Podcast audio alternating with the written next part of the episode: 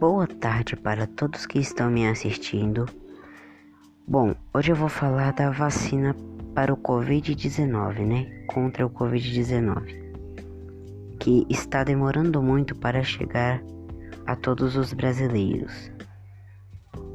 Um estudo da Universidade de São Paulo e da Universidade Estadual Paulista, que o jornal hoje obteve com exclusividade mostra que se o Brasil aplicasse para 2 milhões de doses de vacina aplicadas por dia, 20 mil vidas seriam salvas.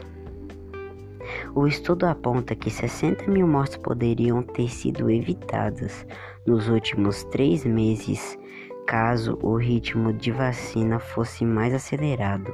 Os pesquisadores fizeram uma projeção entre abril e junho a partir de dados reais da vacina do Brasil, no primeiro trimestre do ano, de acordo com o estudo, caso o Programa Nacional de Imunização PNI ampliasse para 2 milhões de doses aplicadas por dia, 20 mil vidas seriam salvas por mês.